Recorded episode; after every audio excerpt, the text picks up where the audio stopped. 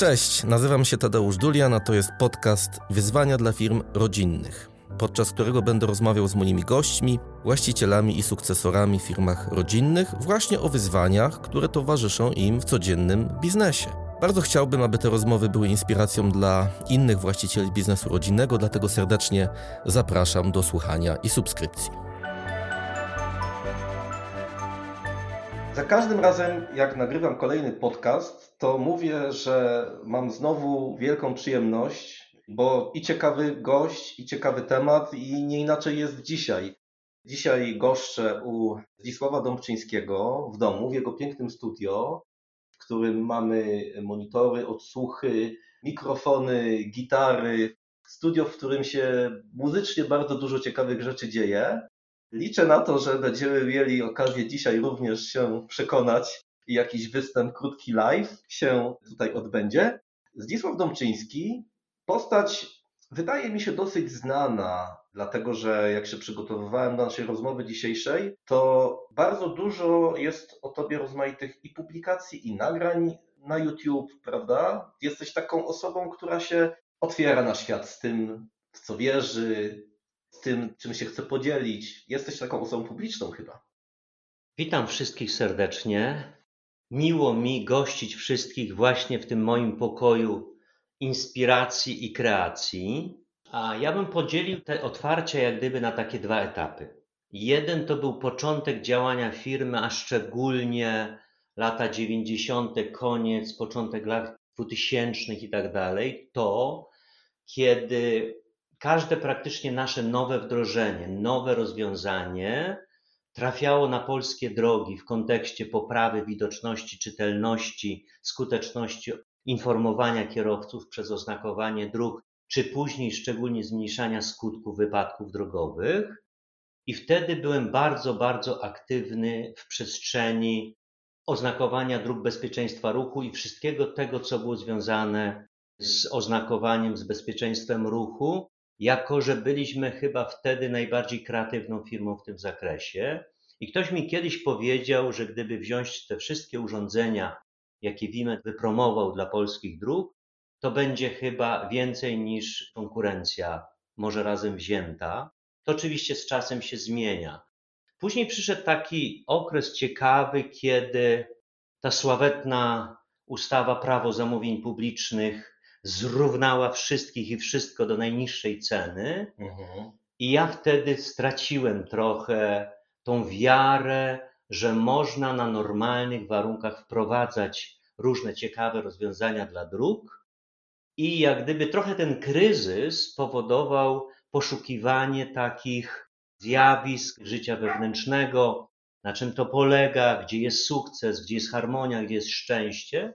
I wtedy zacząłem się trochę pojawiać właśnie w tej przestrzeni już takiej ogólnej, bardziej inspirowania, a nie mhm. tylko kreowania produktów. Mhm. I może nie jest mnie tak w cudzysłowie dużo, ale już troszeczkę jest, natomiast szykuję niespodziankę. O, Okay. Tak, nie do końca Cię właśnie przedstawiłem, bo powiedziałem Zisław Domczyński. Nie powiedziałem, że jesteś założycielem, właścicielem firmy, która produkuje znaki drogowe, bo tak sobie pomyślałem, że to byłoby troszkę takie jednowymiarowe i właśnie teraz o tym powiedziałeś, prawda, że ta Twoja obecność w przestrzeni publicznej, ona się nie sprowadza tylko do promowania biznesu, ale też właśnie dzielenia się Twoimi przemyśleniami na temat tego, jak funkcjonuje firma rodzinna, jak my w biznesie funkcjonujemy. Doskonale pamiętam chyba nasze pierwsze spotkanie, na którym padł temat, jak jesteśmy zaskakiwani różnymi sytuacjami, i ty mówiłeś o tym, że organizm nam wysyła pewne sygnały, serce nam wysyła pewne sygnały, że musimy o siebie dbać, brać oddech. I sobie wtedy pomyślałem,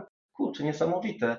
Facet, który jest biznesmenem, potrafi zupełnie inne wymiary dostrzegać tego funkcjonowania w biznesie, takie bardzo personalne, takie bardzo osobiste i o tym mówić. I teraz właśnie o tym też mówisz, że były te dwa etapy pokazywania się na zewnątrz, bycia taką osobą publiczną. I jestem ciekaw, jak byś się przedstawił, gdybyś miał się przedstawić, bo powiedziałem, że jesteś właścicielem firmy, która produkuje oznakowanie drogowe. Z naszej rozmowy przed chwilą wynikało, że też są nowe pomysły na to, co biznesowo również będzie robił, ale jak ty byś się przedstawił jako biznesmen, jako przedsiębiorca, jako muzyk, między tymi różnymi wymiarami, gdzie ty siebie widzisz? Myślę, że to mi się bardzo ostro w ostatnim czasie wyklarowało, czyli kim jestem.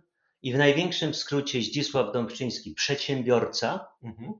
Jestem przedsiębiorcą w tej chwili od 33 lat. Przetrwałem te wszystkie zjawiska gospodarcze, polityczne, transformacyjne, unijne i tak dalej. I dalej jesteśmy taką wiodącą firmą i w Polsce, i w Europie w zakresie tego, co robimy, czyli przedsiębiorca. Dwa, inspirator, mhm. jako że wszystkie te swoje inspiracje, przemyślenia, doświadczenia, co z czego wynika, jak sobie z tym poradzić, i co ty myślisz o tym czytelniku, żebyś ty sobie poradził, a nie żeby ktoś za kogoś rozwiązywał problemy, czyli przedsiębiorca, inspirator, ta książka inspiracji, drogowskazy dała mi wiele, wiele radości, też takiej samorefleksji wobec własnego życia. I na końcu dodaję zawsze bard biznesu, czyli pozostanę do końca życia przedsiębiorcą, tym inspiratorem, a teraz to rozumienie życia się pogłębia i zawsze była gitara ze mną.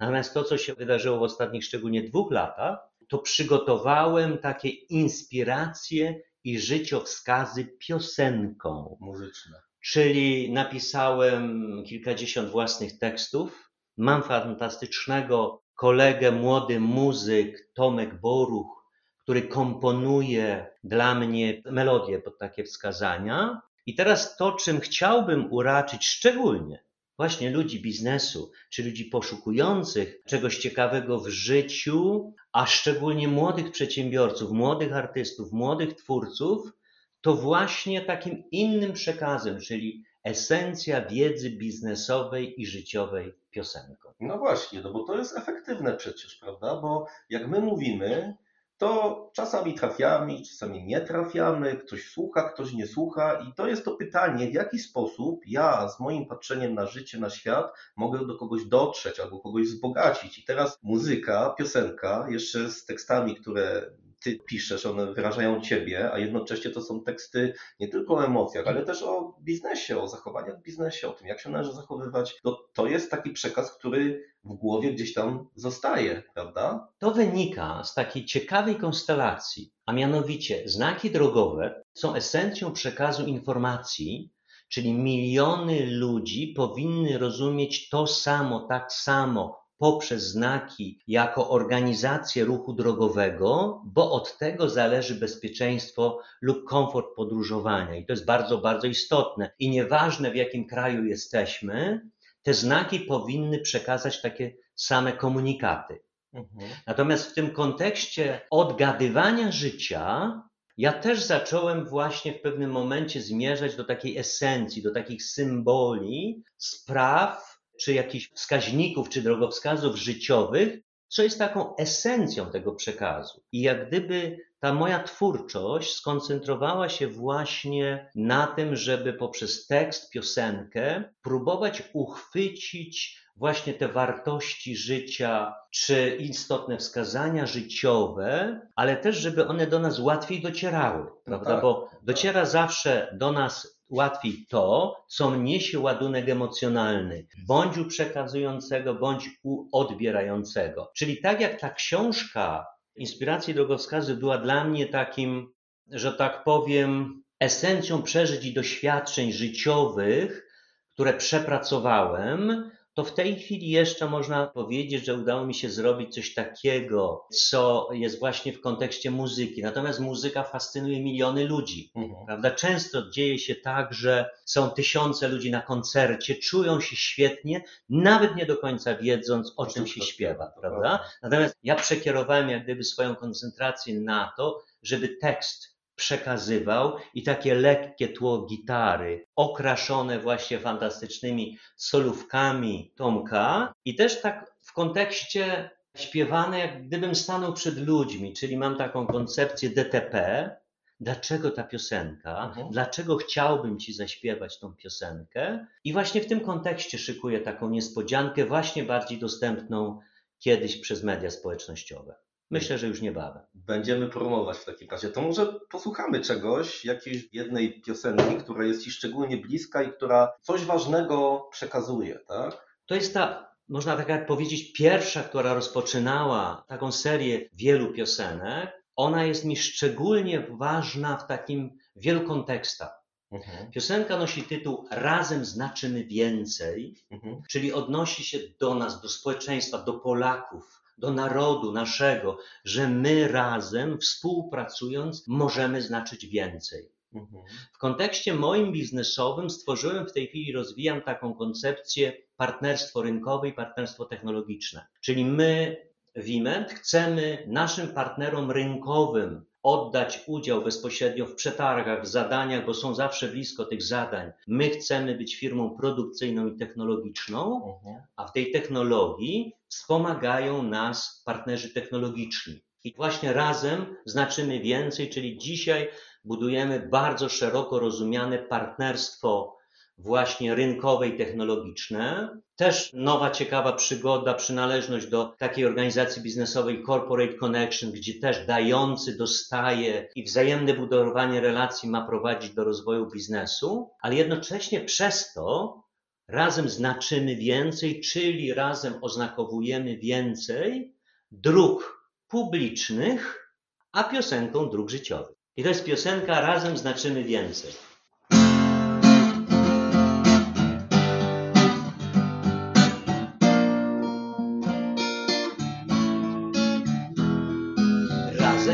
Znaczymy więcej, gdy liczyć możemy na siebie. Razem możemy więcej, ty rozumiesz mnie, a ja ciebie. Razem znaczymy więcej,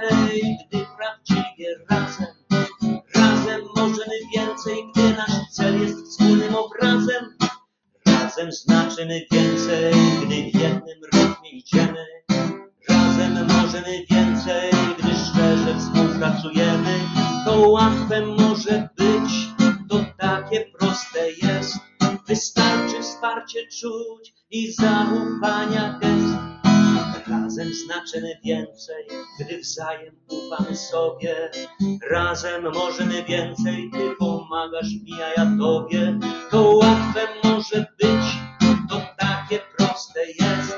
Wystarczy wsparcie czuć i zaufania gest. Pięknie, pięknie. Czy ty masz na gitarze wygrawerowane też te znaki, tak? Tak jak na naklejkach? Tak, tak. To jest gitara lutnicza, Mhm. zrobiona na specjalne moje zamówienie przez wspaniałej światowej klasy lutnika Rafała Turkowiaka. Właśnie tutaj jest taki pierwszy znak, który najczęściej mi towarzyszy, czyli każdego dnia poruszamy się po wirażach, serpentynach emocji i zdarzeń, Mhm. ale to my mamy rękę na kierownicy, nogę na gazie lub hamulcu i świadomość. Mhm. I jeżeli w życiu umiemy, postawimy sobie cel i następny znak, zabierzemy się do pracy, Mhm. możemy zdobyć każdy szczyt, ale właśnie ważne jest, gitara nazywa się Inspire, czyli ta inspiracja, czyli ważna jest ta wewnętrzna, duchowa, głęboka inspiracja, bo ona daje tą moc, ale ostatni, najmniejszy znaczek jest taki kluczowy, żeby to wszystko działo się w harmonii, z pasją i bez przepracowania. Mhm. No to idealny świat. No to jest mój świat i też właśnie jako przedsiębiorca, jako mąż, jako ojciec, jako szef, jako Polak, jako patriota, jako człowiek do tego dążę właśnie, żeby tam, gdzie mam wpływ, żyć ciekawie i inspirująco.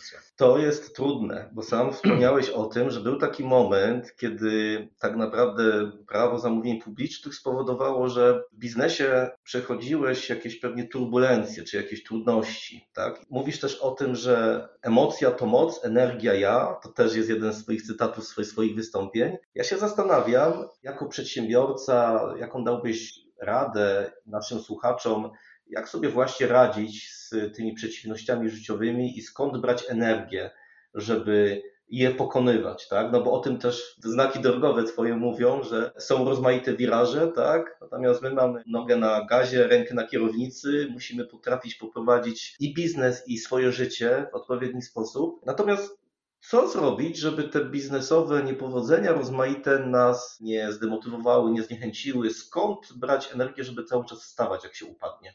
Dla mnie takim kluczowym jednym słowem to jest odpowiedzialność. Mhm. Czyli odpowiedzialność za samego siebie w bardzo szerokim kontekście, bo bardzo łatwo za takie czy inne trudności jest zwalać winę na innych. Natomiast w momencie, kiedy całkowicie za siebie wezmę odpowiedzialność, czyli za dobry humor i za zły humor, za reakcję w momencie sukcesu i za reakcję w momencie klęski czy trudności. Mhm. I to powiedziałbym, że towarzyszy mi od lat. Natomiast gdybym miał powiedzieć historię, która właśnie mi to do końca uświadomiła, mieliśmy kiedyś takiego ciekawego człowieka, też doświadczonego w biznesie, z którym umawialiśmy się na takie spotkania 15-minutowe, inspirujące, które miały być takie ważne dla nas, dla współpracowników. Więc przyjeżdżał do Wimedu, spotykaliśmy się pewnego dnia, mówię, Zdzisław, dzisiaj Wam około 5 do 10 minut opowiem, jak sobie poradzić ze stresem, żeby stres już Was nigdy nie dotykał. Mhm. No, szczerze mówiąc, pomyślałem sobie, no chyba on nie jest w pełni rozumu, skoro, że tak powiem, deklaruje, że za 5 czy 7 minut nam to powie. Natomiast jak się zaczęło spotkanie, to mówi bardzo prosta rzecz. Jeżeli coś trudnego się wydarza i jesteś w potwornym stresie, w potwornym problemie, spróbuj wziąć kartkę papieru, siąść i napisać, co w tym dobrego Mhm. w tej sytuacji. Ale bezpośrednio, szczerze pisać, pisać, pisać. No i Mhm. później jak rozwinął, no to po pierwsze można uznać tak, nawet odwrócenie uwagi, zaczynam pisać. Dwa, znamy tą historię, to słynne powiedzenie, nie ma tego złego, co by na dobre nie wyszło. Tak. Znamy relację, że wiele trudnych sytuacji było przyczynkiem.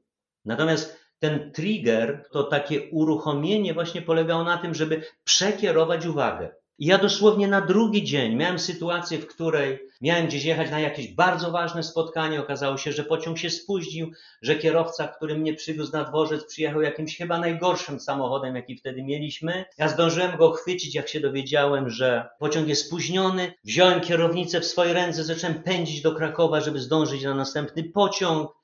Dojechałem, wbiegłem w ostatniej sekundzie do tego już prawie odjeżdżającego pociągu i taki spocony, zgrzany, zdenerwowany, wyciągnąłem kartkę papieru i zacząłem pisać, co w tym dobrego. Zamiast narzekać na PKP, Mhm. na ten samochód, który mi dali, że się pociągi spóźniają i tak dalej. I później wielokrotnie to stosowałem. W związku z tym, wracając jak gdyby do tego stresu, znowu moje bardzo krótkie wytłumaczenie i definicja, i, i tam już więcej nic nie znajdziemy. Stres to jest reakcja mojego organizmu na informację wewnętrzną, która się w nas rodzi pod wpływem jakiejś myśli. Ja jej pozwolę się rozwinąć albo nie, Mhm. i zewnętrzną, która przekazuje jakieś wydarzenie, na które w zasadzie nie mamy wpływu. Natomiast w momencie, kiedy my się rozstroimy totalnie, no to ileś godzin, albo ileś dni, albo ileś miesięcy jesteśmy w plecy. Natomiast ta nasza biologia to utrwala. Stąd z łatwością możemy sobie przypomnieć wszystkie nasze sytuacje stresowe, bo one były podładowane ładunkiem emocjonalnym. Mhm. Konkludując, zacząłem zgłębiać, gdybym znowu miał w jednym słowie powiedzieć, tak zwaną psychobiologię, Mhm. czyli jak psychę, co wywołuje w mojej biologii. I to rozumienie powoduje, że w tej chwili jest mi dużo łatwiej zmierzyć się z bardzo trudnymi sytuacjami, których będąc przedsiębiorcą zawsze doświadczamy. I to też wywołuje taką dbałość o siebie. I myślę, że to właśnie czego nam przedsiębiorcom bardzo potrzeba, to jest tej energii, o której wspomniałeś. Pytanie, skąd ją generować? Ona się generuje z nas, z naszych myśli, przekonań, Pragnień, aspiracji. pragnień, aspiracji, ale również, tak jak to wielkie powiedzenie mówi, że ciało jest świątynią ducha. I teraz musimy zadbać o to ciało, bo ciało nosi nas i jest w stanie pomóc nam zrealizować różne idee, czyli musimy być w dobrej kondycji. Psychiczny i fizyczny. Dokładnie. W związku z tym w mojej książce nazwałem to rachunek zysków i strat emocjonalnych. Mhm. Im więcej trudnych sytuacji noszę, tym mam większe manko energetyczne. Mhm. Im szybciej rozwiążę dany problem, tym łatwiej chronię tą energię. I właśnie niedawno byliśmy na ciekawym spotkaniu, gdzie okazało się, że moja córka siedzi po lewej stronie, natomiast prowadzący mówi tak: No, poznaliście się, już jesteście tu kilka godzin, no to powiedzcie, co doceniacie w osobie, która jest po waszej prawej stronie. Więc O. mnie to zaciekawiło. Karolina, która już pracuje w Wimedzie, siedzi po lewej stronie i taki ciekaw jestem, co ona powie, co ona docenia we mnie. I nagle mówi, bardzo doceniam tatę za to, że bardzo szybko podejmuje decyzje i rozwiązuje problemy. I to jest ta klamra, w której od teorii kiedyś do praktyki faktycznie, a od tej pory, kiedy zostałem pochwalony przez córkę, to jeszcze szybciej rozwiązuje problemy. Ale czy ty też siebie postrzegałeś, że to jest twoja zaleta? Czy to właśnie miałeś inne postrzegania? Czy byłeś tym zaskoczony, że tak powiedziała? Czy ty byś tak samo powiedział o sobie, za co siebie cenisz, że to jest właśnie szybkie podejmowanie decyzji, to jest taka... To znaczy, nie, na zaleta. pewno na to bym nie wpadł jako pierwsze. Mhm. To, za co bym siebie doceniał i to, co mi towarzyszyło przez lata i towarzyszy, to jest jednak odpowiedzialność. Czyli od dawna wiem, że jeżeli coś się wydarza, to jednak ja muszę wziąć za to odpowiedzialność, czy to wynika z takich czy innych sytuacji. Natomiast w momencie, kiedy ta sytuacja jest trudna, bo są takie, i wiem, że nic się z tym nie da zrobić, że to jest ewidentna strata, czy ewidentny problem, czy coś, to wtedy staram się chronić siebie jako tą istotę żyjącą. Tak. No bo na drugi dzień trzeba wstać i znowu działać w tym biznesie. I ostatnio właśnie na forum FBN, Family Business Network, Mhm. właśnie padło to znane zdanie, które ja pierwszy raz usłyszałem, że przedsiębiorca to jest człowiek, który od kryzysu do kryzysu bez utraty entuzjazmu. Niesamowite. No tak, ale pewnie nie bylibyście w tym miejscu, w którym jesteście, gdybyście tymi kryzysami dawali się przygniatać, tak? Wspominałeś o tym rachunku zysków i strat emocjonalnych. Pamiętam na tych naszych konferencjach, tam gdzie Cię zapraszaliśmy, czy to w Modliniczce u Andrzeja Witka, czy w siedzibie Śnieżki koło Dębicy, mówiłeś o sukcesji emocjonalnej, o aspektach emocjonalnych sukcesji. I jestem ciekaw też Twoich przemyśleń z perspektywy tego czasu, no bo tak jak mówisz, Twoje dzieci są w firmie, ten proces następuje, trwa. My wiemy wszyscy, że tych emocji po obu stronach i sukcesorów, i założycieli jest dużo, i tych barier emocjonalnych przed sukcesją jest dużo, no bo sukcesorzy najczęściej wchodzą w wielkie buty i to wyzwanie, żeby dorównać rodzicom czy ojcu na przykład, to jest poważne wyzwanie. Kwestia postrzegania przez klientów, pracowników, jak oni mnie przyjmą jako tego nowego lidera, nowego prezesa, to jest to jakieś wyzwanie, czy sobie dam radę. No tych znaków zapytania jest bardzo dużo, ale tak samo po stronie założyciela, no jak sobie poradzę z oddaniem władzy, jak to wpłynie na moje postrzeganie siebie samego i wartości mojej, takiej estymy, jak otoczenie będzie mnie postrzegało, czy w ogóle kiedyś tutaj jako właściciel i zarządzający i prezes byłem najważniejszy, a teraz będę musiał jednak się schować gdzieś troszeczkę.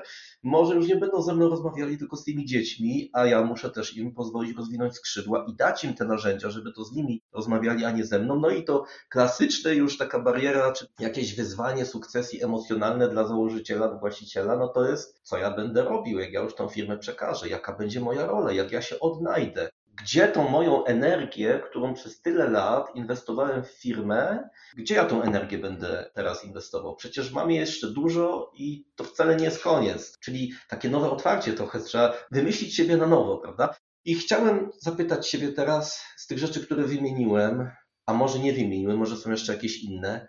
Co z Twoich przemyśleń, z Twoich obserwacji, z Twojego doświadczenia jest taką kluczową, największą barierą, najtrudniejszą? I też może, jeżeli masz pomysł na to, jak te bariery przełamać i chciałbyś się podzielić z naszymi słuchaczami, a przede wszystkim ten podcast jest dedykowany do szeroko rozumianych przedstawicieli firm rodzinnych, sukcesorów i założycieli i pracowników, to podpowiedz, co można zrobić. To tutaj podziękowałbym przede wszystkim Tobie i Waszej organizacji, Waszej firmie za zaproszenie na promocję książki Petera Licza Firmy rodzinne. Mhm. Bo gdybym z tej całej książki znowu miał jeden znak drogowy albo drogowskaz wyciągnąć, to dla mnie było uświadomienie sobie, że jest dorosły rodzic i dziecko. Tak. I ta relacja występuje, że jesteśmy dorośli, stajemy się rodzicami, mamy dziecko, dziecko dorasta, staje się dorosłym, później staje się rodzicem, Mhm. a bardzo często mając, ja czasem to słyszę w domu, jak moja kochana teściowa mówi do mojej żony, już obie, teściowa po osiemdziesiątce, o żonie nie powiem ile, ale też dużo. Mówi, co ty dziecko wiesz o życiu? Tak Zdarza się to, wiemy. Tak. Więc to wtedy uświadomiło mi, jak bardzo ważne jest to jak ja będę podchodził do moich córek czy zięcia pracujących w firmie. To był taki bardzo ważny drogowskaz. Mhm. Drugim takim dopełnieniem czy konsekwencją tego jest, kiedy następuje sukcesja emocjonalna. I to już jest, można powiedzieć, tak, taka moja konkluzja, mianowicie wtedy, kiedy ja potraktuję moje córki i zięcia jako partnerów biznesowych i oni mnie potraktują jako partnera biznesowego. Mhm. I o tym myśmy często wzajemnie rozmawiali. I to bym powiedział taki jeden aspekt.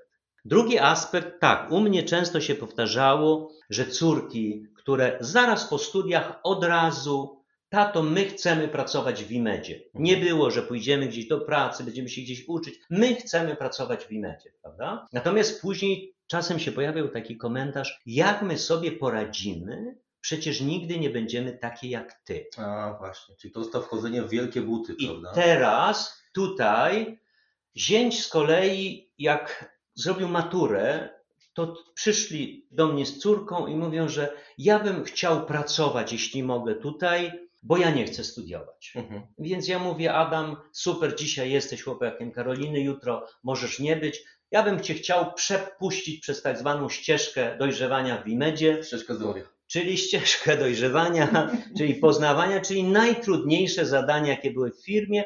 Później firma sama niosła Adama. Dzisiaj, po 11 bodajże czy 12 latach, zna wszystkie aspekty firmy.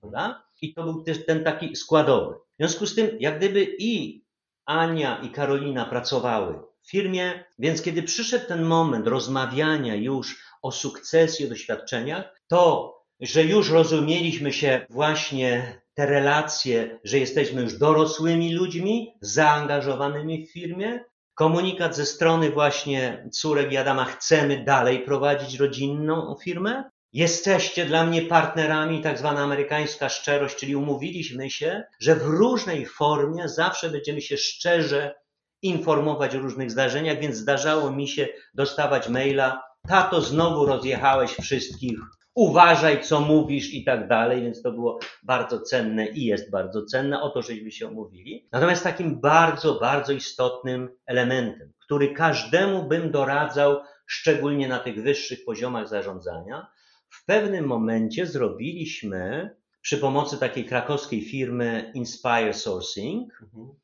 takie badanie, bardzo głębokie badanie predyspozycji psychometrycznych, zawodowych, obejmujących 34 takie aspekty predyspozycji zawodowej, czyli strategiczność, dokładność, odpowiedzialność, utrzymywanie relacji, zarządzanie, kierowanie. Bardzo to było precyzyjne. I ten test w pierwszej kolejności zrobiłem sobie. Byłem zdziwiony, jak ten test bardzo precyzyjnie mnie opisywał. Mhm. Później zrobiłem najbliższym członkom zarządu, później właśnie córkom Adamowi. W konsekwencji zrobiliśmy to dla około 40 osób. Mhm. I wtedy dopiero, jak położyliśmy na stole te nasze tak zwane bridge, prawda? I przy pomocy tych psychologów biznesu zadaliśmy takie pytanie: czy my jako rodzina mamy zdolność do zarządzania strategicznego firmą, prowadzenia biznesu? I w złożeniu okazało się, że mamy. I wtedy na tej podstawie zaczęliśmy się dzielić rolami w firmie. No właśnie, I wtedy- ciekaw, czy to się przełożyło na jakieś zmiany. Przełożyło tutaj, się prawda? w sposób niesamowity, taki bardzo skuteczny Mhm. bo wtedy każde z nas dostrzegło swoje mocne i słabe strony. I właśnie ułożyliśmy. Anna dzisiaj ogląda koszty, jest bardzo systemowa. Wszystko to, co wymaga systematyczności spojrzenia na koszty, na różne zjawiska w firmie, to ona to prowadzi. Mhm. Karolina jest cały czas wśród ludzi. Interesuje ją produkcja, interesuje ją efektywność, interesuje to, jak firma traktuje pracowników, co jeszcze zrobić, żeby im się lepiej pracowało, czy jest tak duchem z pracownikami. Mhm. Adam zarządza sprzedażą. A dla mnie w tej chwili, można powiedzieć, na lata znalazła się ta przestrzeń innowacji i strategii. Ale ona mi bardzo precyzyjnie właśnie wyszła, że nie wiem, bezpośrednie zarządzanie u mnie w cudzysłowie jest na dwa, Mhm. ale zarządzanie strategiczne jest na 10, innowacyjność na 10, otwartość na wiedzę, głód wiedzy na 10, więc jestem człowiekiem ciekawy świata. I do tego jeszcze dopasowaliśmy kilku kluczowych pracowników, I to wszystko daje nam naprawdę taki zespół, który się rozumie, Uzupełnia. uzupełnia. Ten bridge był bardzo taki, że tak powiem, precyzyjny. W pewnym momencie jeden pracownik nam mówi, no to teraz już wszystko wiecie o nas. Mhm. Ale ja mówię, my wiemy dla was.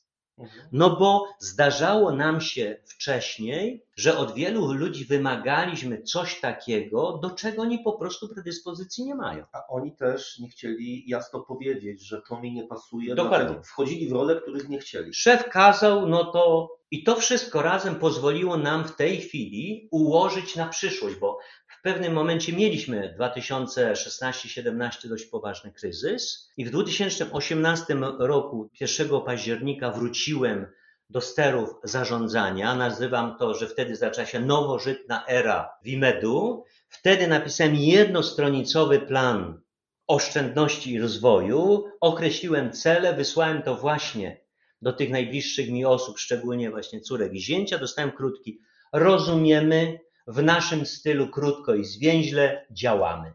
I dzisiaj już jesteśmy w innym obszarze. I teraz to, bo zapytałeś, dobrze, to co ja bym właśnie radził w kontekście, a co ten ojciec, założyciel, który wszystko wiedzący? Mhm. To jest właśnie kwestia zdefiniowania, gdzie leży o kompetencja poszczególnych osób, gdzie najbardziej mogą się sprawdzać i właśnie w kontekście już tej jak gdyby drugiej części życia, kiedy się wydaje, że no to już powinniśmy, nie wiem, odpoczywać, ale odpoczynek może być największą karą dla kogoś, kto pracował całe życie. Kto ma dużo energii, Tak. dużo pomysłów. Więc ja jestem zwolennikiem tego właśnie, żeby mieć bardzo jakieś ciekawe, atrakcyjne, biznesowe zajęcie na długie lata. człowiekiem. I właśnie w tej chwili ja zajmuję się strategią i innowacjami. Adam zajmuje się sprzedażą, Ania ogarnia wszystkie sprawy realizacyjne, kosztowe, Karolina jednoczy załogę, wspomaga ludzi, dba o nich, Mhm. plus nasi doświadczeni pracownicy. Natomiast wiemy, co kto może, a z czym komu może być bardzo ciężko. Tak. Ja powiem szczerze, że nie jestem w ogóle zaskoczony to, co ci wyszło, że strategia, innowacje i tak dalej, bo ja się zawsze postrzegałem z naszych rozmów, znamy się 4 lata chyba, z naszych rozmów zawsze wynikało, że ty jesteś wizjonerem. I to, co mówisz, że zarządzanie takie codzienne, no wizjoner nie lubi tego, bo to są zbyt takie operacyjne rzeczy. Wizjoner ma tam pomysł i w kierunku tego pomysłu, ale żeby na dzisiaj tutaj pozarządzać, czy zająć się jakimiś takimi przyziemnymi tematami, to nie bardzo. Więc to mi pasuje, co teraz mówisz. Tak, ale, teraz, ale tutaj co się okazało w kontekście rynkowym. I teraz te kilka lat kryzysów, trudności, kiedy ja byłem już jakoś wypalony, przepalony, wynikało właśnie z tego, że cóż można wymyślać w momencie, kiedy jest przetarg i Mhm. specyfikacja i najniższa cena. Mhm. I to był taki moment największego wypalenia. On spowodował, że co w tym dobrego? Miałeś te skrzydła podcięte, tak? Miałem podcięte, ale wtedy napisałem książkę. Ta książka była, jak gdyby ja ją nazywam pracą doktorską na Uniwersytecie Zdrowego Rozsądku i Życia. Ona mi pomogła lepiej zrozumieć siebie. Natomiast dzisiaj rozpoczęliśmy, z jednej strony zmodyfikowaliśmy, zmodernizowaliśmy bardzo mocno WIMED i wdrożyliśmy wiele takich rozwiązań, które są unikalne na znaną mi skalę światową, że tak powiem. Czyli jak śledzę dokładnie ten rynek, nie spotkałem czegoś takiego, to co myśmy już w tej chwili zrobili. Mhm. I to jest właśnie tym dla mnie napędem. Natomiast nie muszę się martwić, zajmować zbyt mocno tą codzienną, bieżącą działalnością. Nie jest lekko, no ale komu jest lekko w tych różnych zmiennych czasach, To prawda? jest komfort, to co mówisz, żeby rzeczywiście pewne realizować swoje cele, nie musząc na siłę robić tego, czego nie chcemy robić. Czyli ta konkluzja jest taka, ten trzeci punkt, prawda? Czyli pierwszy to był rodzic, relacje rodzic, dziecko i dorosły, prawda? Drugi to, żebyśmy byli partnerami, rozumieli, traktowali siebie partnersko. Trzecie to jest właśnie poznanie siebie Mocnych, słabych stron. i dopasowanie tego, co może być dla nas drive'em, tym właśnie istotnym. I ostatnie powiedziałbym, to takie jakieś znamienne, fajne, ciekawe hobby Mhm. i jeszcze w cudzysłowie uprawiane w gronie dobrych, mądrych ludzi. Bo to jest też, bo wiesz doskonale, że jak trafimy na różnych narzekaczy, Mhm. prawda, Potrafią to gdzieś ta atmosferę. energia umyka, prawda? Natomiast w momencie, kiedy, czyli tak jak śpiewał Marek Grechuta, bo wolność to wśród mądrych ludzi żyć, widzieć dobroć w oczach ich i szczęście, wolność to przez każdy bór i mur znać przejście, prawda? Mhm. Te role, właśnie to dostosowanie ról, to jest bardzo ciekawy dla mnie wątek, dlatego że jeden z powodów, dla których w firmach rodzinnych sukcesorów brakuje, chociaż nie brakuje dzieci, ale dzieci nie chcą wchodzić w rolę sukcesora, nie chcą przejmować władzy, odpowiedzialności od rodziców, tylko mają swój pomysł na swoje życie, no to jest właśnie to, że nie do końca są w stanie wyobrazić sobie swoją rolę w tej firmie. A wydaje mi się, że nasze firmy polskie, które już funkcjonują te 20-30 lat, na tyle się rozwinęły, że to są na tyle no, skomplikowane i duże przedsiębiorstwa, gdzie mnogość rozmaitych zadań jest tak duża, że sukcesor, jeżeli tylko chce, ma tą motywację, to może tam się odnaleźć, prawda? Więc to, o czym ty mówisz, żeby napisać, nawet nie napisać mu rolę, tylko wspólnie tą rolę stworzyć, napisać wspólnie tą rolę w tym scenariuszu biznesowej firmy rodzinnej, to jest, wydaje mi się, klucz do sukcesji. Ale wcześniej trzeba poznać, jakie są moje silne i słabe strony. Tak i do tego dopasować. Tak jest. Ja jeszcze jedną rzecz bym chciał zapytać, bo wymieniłeś wszystkich członków rodziny zaangażowanych w biznes, a na początku mówiliśmy też o Twojej żonie, która rozumiem, że nie jest zaangażowana w biznes, ale mimo to jednak na pewno przez te wszystkie lata towarzyszyła Ci w podejmowaniu wielu decyzji i chciałem zapytać, nawiązując jeszcze do tego, o czym Peter Leach pisał w swojej książce, ten CEO, czyli Chief Emotional Officer, tak, i wskazywał na to, że bardzo często kobiety w biznesie, które może gdzieś tam są trochę z tyłu, tyłu, może są w tle, nie grają pierwszy skrzypiec, ale na nich to wszystko się opiera i ci liderzy, ci faceci, którzy tam są tymi liderami, prezesami, założycielami, to bez tych kobiet, bez ich wsparcia niewiele by osiągnęli. Jestem ciekaw Twojego komentarza, jak to jest z tymi takimi osobami, które gdzieś ich nie widać, są z boku, ale tak naprawdę wiele rzeczy są w stanie emocjonalnie właśnie udrożnić, tak? Z moją małżonką Czasem używam panią, moją panią, ona tego nie lubi. Mhm. Jesteśmy już 39 lat od chwili poznania się. Zorganizowała, przygotowała zawsze. Czy tam kiedyś mieszkaliśmy w wynajętym mieszkaniu, czy później budowaliśmy pierwszy dom, czy drugi. Stworzyła nam, rodzinie, niesamowity klimat i życia rodzinnego, i takiej troski, i takiej elegancji, której na przykład mnie brakuje. Mhm. Każdego dnia podziwiam to wszystko, co ona, czy w ogrodzie, czy w domu, jak to jest urządzone. Był kiedyś okres, jak budowaliśmy pierwszy dom, w którym jeszcze próbowałem coś powiedzieć, jaki kolor firanek, czy jak coś ma być zrobione. Natomiast później już tylko, że tak powiem, zabezpieczałem wszystkie rachunki. Więc miała tylko jeden epizod w firmie. Właśnie dzisiaj już wiem, że na skutek ogromnego stresu mhm. pojawiła mi się choroba. Mhm trafiłem do szpitala i to w takie miejsce, gdzie można było się przerazić na przyszłość. I to był taki moment, w którym akurat mieliśmy się przeprowadzać do nowego biurowca. To był rok 1998 i ja, jak mnie przebrali w piżamę w tym szpitalu w Krakowie, straciłem całkowicie pewność siebie. Natomiast jak wyszedłem po tych kilkunastu dniach, wszystko już było super zorganizowane w tym nowym biurowcu i wszyscy ocenili, że była niezwykła w mhm. tej akcji. Drugi taki epizod, który pamiętam, bo jest tylko kilka takich, w którym żona zaistniała jak gdyby w firmie, bo w większości to zawsze miałem zrobione kanapki, pytanie kiedy przyjedziesz, kiedy będziesz. Drugi epizod był taki, był taki konkurs na oznakowanie autostrady A4. Staleksport organizował. Nam się wydawało, że to będziemy robić i byliśmy blisko i tak dalej. I tak bardzo byłem zaangażowany w to zadanie, tak bardzo chcieliśmy robić. To było takie wielkie wyzwanie. No, w konkluzji wygrała firma z północnej Polski. Ja byłem w szoku i dzwonię do mojej żony. Wiesz co, Dorotko, przegraliśmy to zadanie.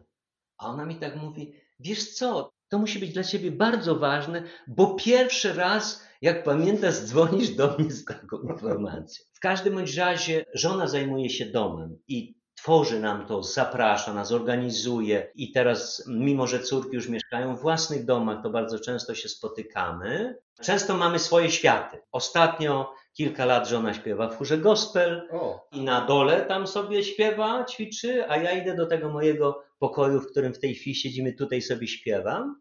I można powiedzieć, że tak się uzupełniamy. Nie jesteśmy takim małżeństwem, które bez przerwy do siebie bla, bla, bla, bla, bla, bla, Mhm. ale naprawdę wspieramy się i ja czuję to ogromne wsparcie żony i tą taką bazę, którą dzięki niej mam. I to, że jesteśmy tacy rodzinni, to też jest ogromna zasługa. Natomiast wszystkie sprawy firmy biorę na siebie, a teraz bierzemy wspólnie na siebie z córkami i zięciem. Mhm. Do tego brania spraw na siebie wspominałeś, że odpowiedzialność to jest taki bardzo ważny element, ale zastanawiam się, jak chciałbyś skomentować czy opowiedzieć to, jak ty dostrzegasz w swojej firmie, w swojej rodzinie, w innych firmach kwestię zaufania, która też w sukcesji jest kluczowa, no bo chyba o tym rozmawialiśmy właśnie niedawno, że mówiłeś o tym, że zaufałem, więc pozwalam działać, prawda? I wtedy ten sukces mówi, aha, no to ja już mam wolność i władzę i możliwość działania, bo ten tata czy ta mama mi zaufała. Czyli to zaufanie okazuje się być w wielu aspektach kluczowe między założycielem, właścicielem, a sukcesorem, dawanie tego zaufania i coraz większego tego obszaru władzy, ale też zaufanie w relacjach klienckich. Przecież no, szczególnie w firmach rodzinnych robienie biznesu nie zawsze się opiera tylko wyłącznie na podpisaniu umów czy kontraktach. Bardzo wiele rzeczy się robi dlatego, że od iluś lat się znamy, jesteśmy ludźmi, którzy sobie ufają. No i zastanawiam się jeszcze z tym zaufaniem, czy ty obserwowałeś w ogóle takie sytuacje, na przykład firm, gdzie tego zaufania nie ma? Jeżeli tego zaufania nie ma, albo ktoś nie daje tego zaufania, bo to jest za trudne, żeby uwierzyć, że ten sukcesor sobie poradzi, to jak można wyzwolić takie zaufanie? Jak je zbudować? Czy na to są jakieś pomysły, sposoby, Twoje obserwacje? Czy widziałeś takie sytuacje, że brak zaufania doprowadził do tego, że te drogi się rozchodziły? Czy można było gdzieś na pewnym etapie rzeczywiście się przełamać i poprzez zaufanie udrożnić na przykład sukcesję czy wspólne zarządzanie biznesem? Tutaj zwróciłbym uwagę na dwa aspekty. Jeden znowu, taki rodzinny czy firmowy.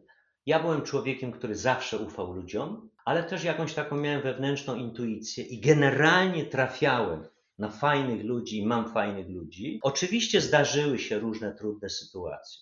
I teraz, jak gdyby odnosząc się do tego zaufania teraz, tego właśnie pokoleniowego, związanego z sukcesją, to staram się mniej lub bardziej świadomie i uważnie odnosić do różnych zadań, które mamy. Nie zawsze się to udaje. Taki przykład. Jak Karolina poznała Adama i później już wyprowadziła się do niego, zaprosili nas do domu, który sobie sami urządzili. Ja tak wszedłem, byłem zachwycony, jak to jest zrobione. Fantastycznie. Po prostu tak sobie pomyślałem, Boże, może mi kiedyś tak fajnie urządzi willę. I właśnie w tym roku przyszedł czas, gdzie przez kilka miesięcy pośród pracy normalnej był prowadzony remont biurowca. I autentycznie, z jednej strony z pełnym właśnie zaufaniem, ale również z taką uważnością, żeby czasem nie grymasić czy nie krytykować, dostała właśnie Karolina pełną władzę, budżet, żeby to wszystko zrobić. Zrobiła fantastycznie, autentycznie. Jestem taki zadowolony, szczęśliwy, bo ten nasz budynek jest ciągle nowoczesny, mimo że był projektowany w 1994 roku, ale teraz to zyskało naprawdę i okazało się, że ta jej kompetencja jest niesamowita. Jeżeli wezmę Adama i zdarzają nam się różne właśnie takie biznesowe rozmowy, to zdarzało się, no, że ja wszystko przecież wiem, to jak wsiadałem na jakiś temat, prawda, to, to, to, to, to, to, to, to, to, to, to, i zacząłem w pewnym momencie, a Adam siedzi, siedzi, siedzi, słucha. No i później zacząłem na to reagować, czyli wracam do tej uważności. I w pewnym momencie już zapytałem, Adam, no jak ty się z tym czujesz, że, że ja zagadałem to spotkanie? Adam tak ze spokojem, przyzwyczajony jest. W każdym bądź razie, później idąc już na następne spotkanie, to zacząłem na to zwracać uwagę.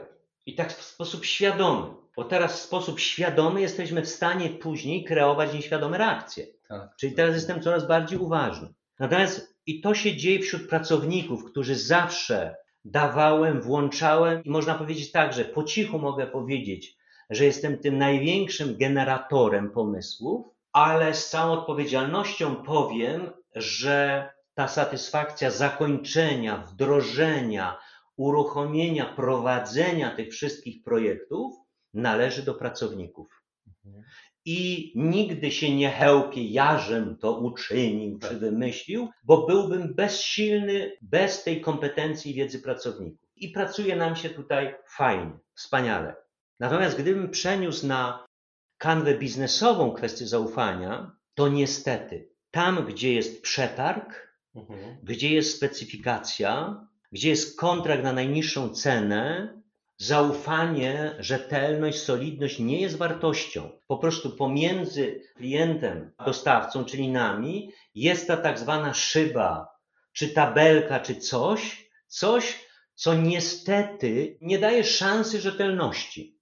I gdybym miał powiedzieć, dlaczego myśmy się w takim stopniu rozwinęli, a w innym stopniu rozwinęły się firmy, które są na właśnie rynku bezpośrednich relacji, czy z klientem, ktoś wchodzę do sklepu, podoba mi się, ufam sprzedawcom, kupuję, czy te firmy, które dostarczają innym firmom, to niestety tam, gdzie są przetargi, nie ma miejsca na coś takiego jak rzetelność, zaufanie. Stąd w pewnym momencie zaczęliśmy zmieniać strategię i w tej chwili rozwijamy takie partnerstwo, czyli z tymi lokalnymi firmami chcemy w największym zakresie pracować, być pod ręką i na czas, jak to nazywamy, żeby oni mogli tam realizować te zadania, bo ja nie widzę szans rozwoju, tak jak jest na innych rynkach, tam, gdzie jest szczegółowa specyfikacja techniczna, czy tabela najniższych cen. Natomiast to, co nam się udało zrobić i to, co mocno nam pomaga i wspiera przez lata, to jest zaufanie nasi dostawcy my. Czyli zawsze z nimi graliśmy w otwarte karty, zawsze zasady były jasne i czy to ja ustalałem, czy moi pracownicy. I w tym obszarze mamy wielu zaufanych dostawców, rzetelnych, solidnych. Nie organizujemy jakichś konkursów na najniższą cenę, w cudzysłowie, żeby odreagować czymś innym. Natomiast dzięki temu możemy na nich liczyć i nawet w tej chwili, kiedy takie ogromne problemy są z dostawą stali, my czujemy tą ich ogromną pomoc, tą taką wspólną solidarność. Czyli teraz w najbliższym czasie to, co chciałbym dalej kreować i wspólnie kreujemy, to jest właśnie próba stworzenia właśnie też takiego partnerstwa rynkowego, gdzie właśnie kluczem jest zaufanie. Mhm. Mnie się strasznie podobało to, co ty mówiłeś przed chwilą o tym spotkaniu, które takie było przegadane i Adama komentarz, że jestem przyzwyczajony, ale refleksja po twojej stronie, że to można by inaczej zrobić, czyli stworzyć trochę pole, nie zajmować tego całego pola sobą, tylko stworzyć pole, żeby inni w to weszli, czy to rodzina, czy pracownicy, bo dobrze jest angażować ludzi nie w taki sposób, że ty robisz odtąd dotąd, tylko słuchaj, wizja jest taka i taka, dołącz się do mnie i pogadajmy o tym, jak tę wizję zrealizować, czyli trochę angażowanie też emocjonalne i budowanie takiego poczucia współwłasności pomysłu i realizacji, prawda? I tutaj jest świetne narzędzie. Nazywa się to może reklamy, ale w każdym razie świetne narzędzie Flip. Mhm. Taki interaktywny ekran, mhm. prawda? I teraz w tej chwili już technicznie każde ważne uzgodnienie jakieś, czy to dotyczy rynku, czy innowacji, czy innowacyjnych produktów, czy ciekawych rozwiązań, wszystko to bardziej stawiam się w rolę sekretarza, ale który umie zadawać ciekawe pytania i właśnie zaangażowanie jest, to wszystko jest napisane, zaznaczone. Za chwilę ten plik wysyłam do wszystkich ludzi i dzięki temu właśnie u nas można powiedzieć jest praca taka w pełni zespołowa, bo każdy może dodać, czy ja, nie wiem, zapraszam spawaczy, ostatnio właśnie pracowaliśmy nad takim projektem stołu służącego do szczepiania konstrukcji, prawda? Każdy pomysł był ważny. Niedawno oddaliśmy taką super unikalną maszynę do nitowania znaków, gdzie gościliśmy takiego producenta z Włoch. On mówi, tak, te maszyny powinno wyglądać, ale mnie słuchaj, nie tak. I ja narysowałem tą maszynę. On tak popatrzył na to, no nie, nie, to tak nie będzie, prawda? Później oczywiście doprosiłem inżynierów, jak zaczęliśmy ten koncept rozwijać, no to dzisiaj już ta maszyna pracuje, współpracuje z robotem, prawda? Niedługo przyjedzie do nas oglądać tą maszynę ten Włoch, ale to właśnie było w kontekście, że pewna idea powstała, natomiast ileś osób miało szansę się wypowiedzieć, dopowiedzieć i tak dalej, no i później już w konsekwencji ktoś zrobił, że tak powiem, dokumentację, no i firma wykonała. Także konkludując tutaj, stosujemy to bardzo proste narzędzie, bo obraz to jest warta tysiąc słów. Jakikolwiek schemat, czyli to, o co też długo walczyłem i to chciałbym tutaj podkreślić dla wszystkich, no bo tak jak wspomniałem, w oznakowaniu każdy powinien rozumieć to samo, tak samo. Tak. Czyli teraz w zarządzaniu warto stworzyć taki schemat, albo taką regułę, albo taką zasadę, że każdy rozumie to samo, tak samo. Mhm. Tak, żeby była jasność. transparentność. Chciałem jeszcze zapytać taką rzecz, bo tak trochę myślę, kontekst naszej rozmowy tak sobie układałem, czego tak naprawdę ludzie mogliby się od Ciebie nauczyć albo dowiedzieć, co byłoby dla nich takim życiowym drogowskazem właśnie, żeby byli mądrzejsi, żeby sobie radzili z różnymi rzeczami. I pamiętam naszą rozmowę, albo może to było Twoje wystąpienie na którejś z naszych konferencji, jak opowiadałeś o tym, jak Twoje córki narysowały rysunek rodziny w przedszkolu albo w szkole, prawda? Chciałem prosić, żebyś przypomniał tą anegdotę o rysunku i chciałem, żebyśmy chwilę porozmawiali o tym, jak można w ogóle równoważyć te role życiowe ojca, prezesa, właściciela firmy, członka rodziny. Jak w ogóle dawać sobie radę z Twojego doświadczenia? Jak Ty sobie dawałeś radę z tym, żeby jednak znaleźć w trudnych momentach, kiedy trzeba było na całego się angażować w firmę, znaleźć czas na życie rodzinne? Czy ponosiłeś tego jakieś koszty, tak? Bo dzieci w pewnym momencie dorastają, czasu się nie odwróci. Te momenty, kiedy nas nie było przy dzieciach, już tego nie odrobimy, tak? I może to mieć mniejsze koszty, większe koszty, ale myślę, że ten problem to jest problem wielu właścicieli firm rodzinnych, którzy od samego początku bardzo mocno się w zaangażowali i inaczej nie osiągnęliby swojego sukcesu. I teraz czym jest okupiony ten sukces? Ta historia z tym rysunkiem właśnie była taka, że Pojechałem pewnego dnia właśnie po Karolinę do przedszkola, wtedy Karolinkę, dziś Karolinę, i poprosiła mnie na moment jej wychowawczyni. Mhm. I mówi mi tak, byliśmy po imieniu, mówi Zdzichu, wiesz co, zwróć uwagę na ten rysunek Karoliny. Popatrz, dzieci miały zadanie narysować swoją rodzinę. I Karolina narysowała mamę, Anię i siebie. I ja jej pytam, a gdzie tato? Tato w Warszawie. I to tak przez lata mi towarzyszyło. Drugi taki epizod, który też warto wspomnieć, mieliśmy takie spotkanie z takim doradcą biznesowym, tak rozmawialiśmy też o zaangażowaniu, o dzieciach i tak dalej. I w pewnym momencie Ania mówi płacząc: Nie, ja będę pracować tylko od dziewiątej do czternastej, bo ja chcę więcej dać czasu Szymonowi niż tato mnie dał. Więc to mówi wszystko i to dotyczy to, nie wiem, tych pierwszych 20 lat, bo później już jak urodziła się Julia, można powiedzieć takie po przerwie nasze dziecko miłości, to już nigdy, i to tak świadomie, nie zostałem ani jednej godziny dłużej w pracy, niż to było niezbędnie potrzebne. Natomiast gdybym miał powiedzieć, co jest takim najprostszym albo najistotniejszym antidotum właśnie na tą niestety konieczną nieobecność przedsiębiorcy w domu, to jest kwestia wtedy, kiedy jesteśmy,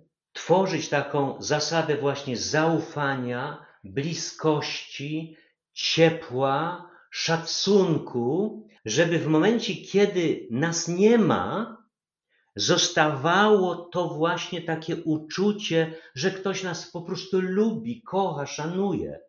Bo zdarzało nam się, wiadomo, jak w każdym małżeństwie, że gdzieś tam te ciche dni trwały dość długo, nie? A one były takim ogromnym mankiem emocjonalnym. I później nam się z czasem udawało, że tak powiem, skracać, skracać, skracać te okresy. Dzisiaj, jak coś tam zaiskrzy, to uda się to rozładować nawet w przeciągu paru minut, bo powstaje to manko emocjonalnych relacji. I znowu bym powiedział, że to nie jest tak, że dzisiaj mamy nie wiadomo ile czasu dla siebie i tak dalej. Natomiast to, co nam się udaje w naszej rodzinie utrzymywać w tej chwili latami, to jest to, że mówimy o trudnych sprawach, nazywamy je, a nawet niedawno miałem taką sytuację, gdzieś zacząłem podnosić głos, za chwileczkę dostałem od jednej córki SMS-a, mhm. tato, jak się będziecie kłócić, to nie będziemy do was przyjeżdżać. A tak od razu przyszedł, mhm. przy czym to nie była kłótnia, to było jak gdyby troszeczkę tam parę tonów wyżej, tak, prawda? Tak, tak. Nie? I to jest ta właśnie uważność, czyli to, co bym doradzał, to, co się u nas dzieje, to, co nam bardzo służy, że nawet krótko, ale jesteśmy razem i również w pracy z pracownikami, w takich dobrych relacjach. Nie ma, że się ktoś na kogoś tam oburza, mhm. że się ktoś na kogoś tam, że tak powiem, obruszy. Chcemy to rozładowywać tak szybko, jak to możliwe. Również, jak się zdarzają jakieś trudne sytuacje, to co powiedziałem wcześniej, a co w tym dobrego? Prawda? Czyli to, co nam w tej chwili buduje tą naszą jedność, nawet niedawno wyjeżdżaliśmy na Tedzi na taki krótki urlop do Kołobrzegu. Przyjechały wszystkie dzieci i wnuk, pobyli z nami, pożegnali nas i myśmy wyjechali na ten tydzień z takim poczuciem tego ciepła rodzinnego. Mhm. Czyli czasem, tak jak ja to próbowałem nazywać, maksimum czasu w domu, a maksimum efektywności w pracy, to teraz bym dodał takie maksimum szacunku wzajemnego i takiego poczucia akceptacji. Bo tak na dobrą sprawę, jeżeli znowu wrócimy do tych sławetnych emocji, to one, energia, moc mojego ja. Ale z czego wynika? Z poczucia akceptacji. Czyli możemy być różni, ale w momencie, kiedy się szanujemy, czujemy to, że ktoś nas docenia, akceptuje, to generalnie czujemy się dobrze. Czyli konkludując, zróbmy wszystko, żebyśmy się ze sobą, czy w rodzinie, czy w domu, Czuli dobrze. Wtedy ten czas wzajemny ma taką większą moc, większą wspólną energię. Jesteśmy razem bardziej na 100%, prawda? Tak jest. Tak. Super. Myślę, że to ważne i mądre i dobre, że o tym mówimy. Chciałem jeszcze zapytać, może spoza tego naszego zestawu umówionego, o jeden temat, który bardzo często jest przedmiotem ciekawych dyskusji. No bo tak, dzieci w firmie, wnuki się pojawiają. Czy wy macie takie myślenie o firmie rodzinnej, że to jest firma na pokolenia w rodzinie, że to powinno przychodzić na kolejne pokolenia i rodzina Dąbczyńskich powinna tutaj za cztery czy pięć pokoleń, może takie jest twoje marzenie właśnie, że chciałbyś, żeby tak było? Czy też bardziej może pragmatycznie, no dzisiaj jest tak, że dzieci są w firmie, ale czy trzecie pokolenie wejdzie, czy nie wejdzie, w jaki sposób będzie korzystało z tych zasobów firmowych pasywnie, niepasywnie, a może podejmie decyzję o sprzedaży firmy, bo rynek się tak zmieni, jak dzisiaj tego nie jesteśmy w stanie przewidzieć i okaże się, że nasza działalność już nie ma sensu żadnego. W którym kierunku ty idziesz, jeżeli chodzi o twoje myślenie o tej firmie na przyszłość? Największym w ostatnich latach tym wydarzeniem dla mnie było to, kiedy jasno, klarownie córki i zięć zakomunikowali mi, chcemy prowadzić tą firmę rodzinną. No to to się wydarzyło. Później pod to oczywiście zaczęliśmy układać jakiś model, jak to wszystko będzie wyglądało. Natomiast zważywszy na to, że jesteśmy właśnie w tym obszarze najniższej ceny, przede wszystkim w tej chwili zainwestowaliśmy z jednej strony w głęboką kontrolę kosztów, badanie efektywności, a dwa, znalezienie czegoś takiego z punktu widzenia rynku, produktów rynkowych, technologii, coś, co będzie nas wyróżniać, co będzie jak gdyby naszą taką przewagą rynkową. W związku z tym wydarzyły się takie trzy aspekty. Jeden aspekt to właśnie, że mamy wspólny plan, który wszyscy rozumiemy i rozumiemy jego efekty tymczasowe i przyszłe Spodziewane. i spodziewane. I tutaj myślę, że jest ogromna rola dla ojców założycieli, żeby oni wykorzystując dawali taki grunt, który później na przykład sukcesorzy mogą wdrażać pod warunkiem, że jest tak wzajemne zrozumienie. Drugim takim dla nas ważnym wydarzeniem to było przystąpienie do FBN, Family Business Network. I tak jak w cudzysłowie nazywam, byliśmy daleko od szosy tutaj, bo gdzieś tam daleko od jakichś wielkich centrów biznesowych, to w tej chwili paradoksalnie ten COVID spowodował tak ogromne zbliżenie przez ten ekran i poznanie tych wszystkich aspektów życia rodzinnego, bo czasem zdarza się nam taki syndrom, chyba każdemu NWD, czyli nie jestem wystarczająco dobry, inni są lepsi. I mnie na przykład te fantastyczne spotkania, fantastyczne kafejki prowadzone przez Dariusza Dumę pozwoliły poznawać, że wszyscy jesteśmy tacy sami. Ktoś ma wielką skalę biznesu, ktoś ma mniejszą, ale te emocje, te zjawiska dotyczą nas wszystkich, też w kontekście nawet dużych międzynarodowych firm. I to było takim ugruntowaniem fajnym, że jesteśmy normalną rodziną, ale tą z duchem przedsiębiorczym. Wszyscy żeśmy często słuchali tych wszystkich gości, czyli mamy podobny pogląd. W tej chwili wydarza się takiego coś cudownego, a mianowicie już spotkania takie na żywo i niedawno odwiedziłem taką Kasię i Andrzeja i tyle razy, ile usłyszeliśmy, jak dobrze, że nas odwiedziliście, więc ta więź jest i chęć pomagania sobie. No i trzecia sprawa to właśnie ten aspekt taki gospodarczy, czyli moje w tej chwili przystąpienie do Corporate Connection. Z drugiej strony to partnerstwo rynkowe i technologiczne, czyli jest kwestia posadowienia biznesu w takich właśnie fundamentach, które są trwałe.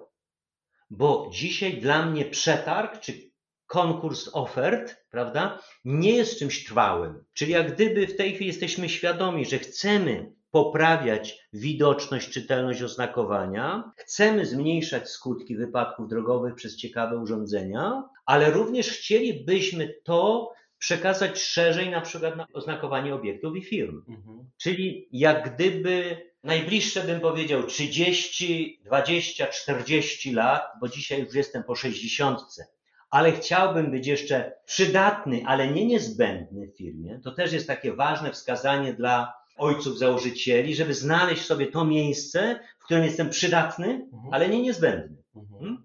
Więc my mamy dzisiaj prosty plan. Chcemy najbliższe 10, 20, 30, 40 lat być bardzo aktywny w tym obszarze, trochę przemodelować właśnie formułę, ale tak, być firmą rodzinną.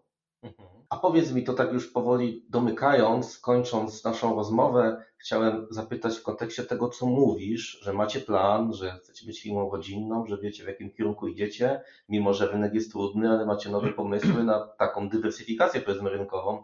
To powiedz mi, jak ty sobie wyobrażasz, jak zamkniesz oczy i myślisz sobie, jak chciałbym, żeby wyglądał Wimet za 30-40 lat, to jaki widzisz Wimet za te 40 lat? Wimet rynkowy lider, profesjonalny partner innowacyjnych technologii oznakowania dróg, obiektów i firm.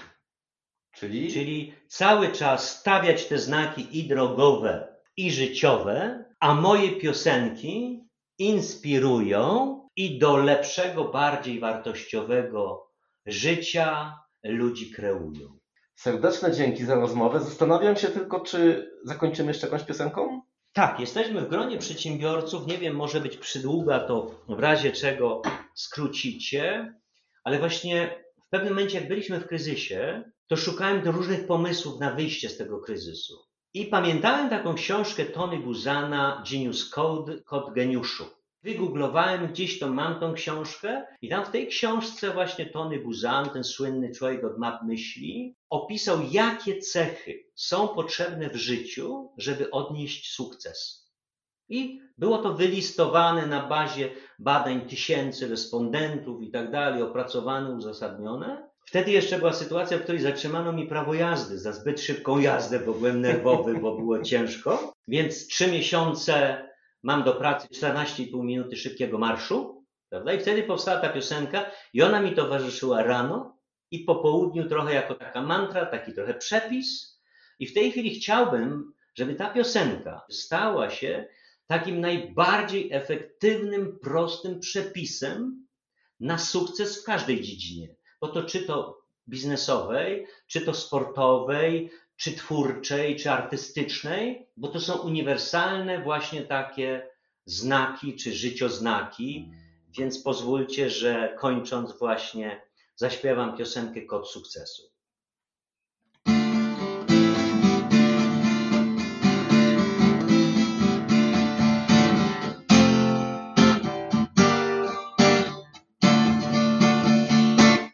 Mam wizję, którą pożądam pracuje zbyt rwał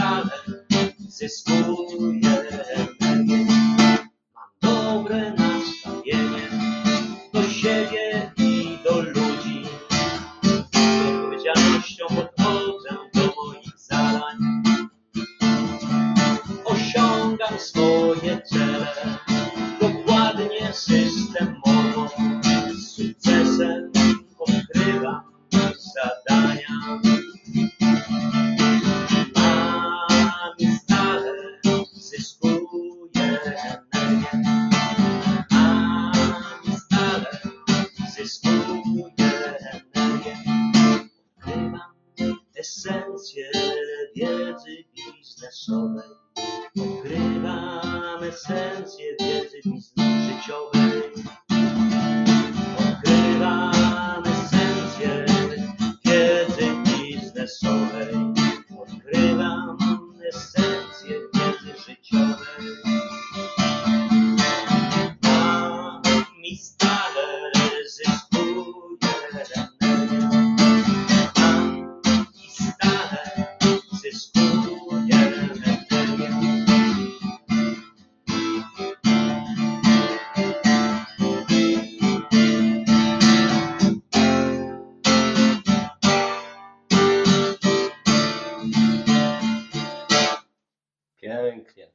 Serdeczne dzięki Zdzisławie za Bardzo rozmowę, dziękuję. za piękne piosenki. No i co? Chyba, jeżeli chciałbyś sobie czegoś życzyć jeszcze, to w kontekście tym muzycznym może jakieś trasy, tak? Po, po polskich miastach z tym przekazem takim bardzo pozytywnym dotyczącym tych znaków życiowych, zakrętów życiowych. To znaczy, bardziej marzy mi się takie spotkania, w którym właśnie są ludzie, którzy czegoś od życia chcą. Czasem brakuje im cierpliwości, czasem brakuje im tej właśnie inspiracji. Wizji. I bardziej się właśnie nastawiam tak z tymi piosenkami gdzieś i przygotowujemy w tej chwili programy dla szkół, dla młodych przedsiębiorców, dla młodych artystów, dla twórców, bo chciałbym się autentycznie z tym podzielić, natomiast bardziej nie wystąpić, że jadę ja z jakąś trasą, Mhm. tylko że to jest dostępne i każdy ma ten czas, żeby to przetrawić. Bo gdybym powiedział tej jakiej jednej cechy w zdobywaniu sukcesu potrzeba, to jest cierpliwość, bo nic nie rodzi się od tak.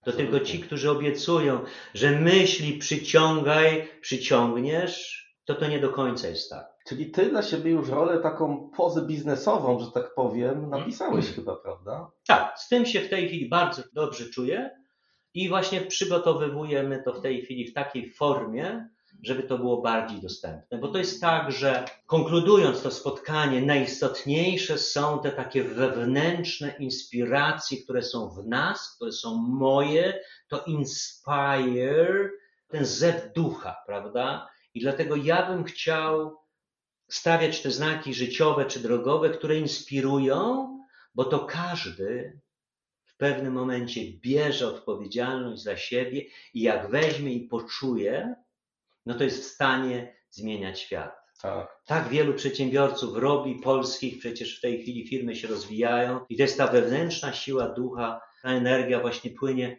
z czegoś takiego chcę. Konkludując, bo mówiliśmy o stresie, teraz przyszło mi na koniec, tak, gdzie zaczyna się stres, a gdzie zaczyna się sukces? Stres zaczyna się od słowa muszę, Aha. spadek energii, a rozwój, potencjał rozwija się od słowa chcę, prawda? To jest też dobra puenta, która wskazuje na takie motywacje sukcesorów, jakie powinny być, a jakie nie powinny Dokładnie. być, prawda? Dlatego ja wszystkim ojcom założycielom życzę właśnie w tej jak gdyby tej złotej, pięknej jesieni życia właśnie takich ciekawych wyzwań, pasji, które właśnie płyną z tych jakichś tam kiedyś niespełnionych marzeń, Mhm. bądź takie miejsce w firmie, ale na pewno nie jest to, żeby zostawić wszystko i gdzieś wyjechać, nie robić nic, bo wtedy można zwariować. Tak jest. Serdeczne dzięki. Dziękuję Wspaniała bardzo. rozmowa. Dziękuję.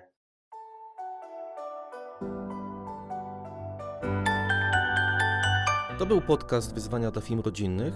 Już niedługo kolejny ciekawy gość, a w oczekiwaniu na następny odcinek napisz do mnie, podziel się wrażeniami lub zaproponuj temat lub gościa podcastu. Znajdź mnie na LinkedIn albo napisz na adres tdulian.deloitte.com. Do usłyszenia. Tadeusz Dulian.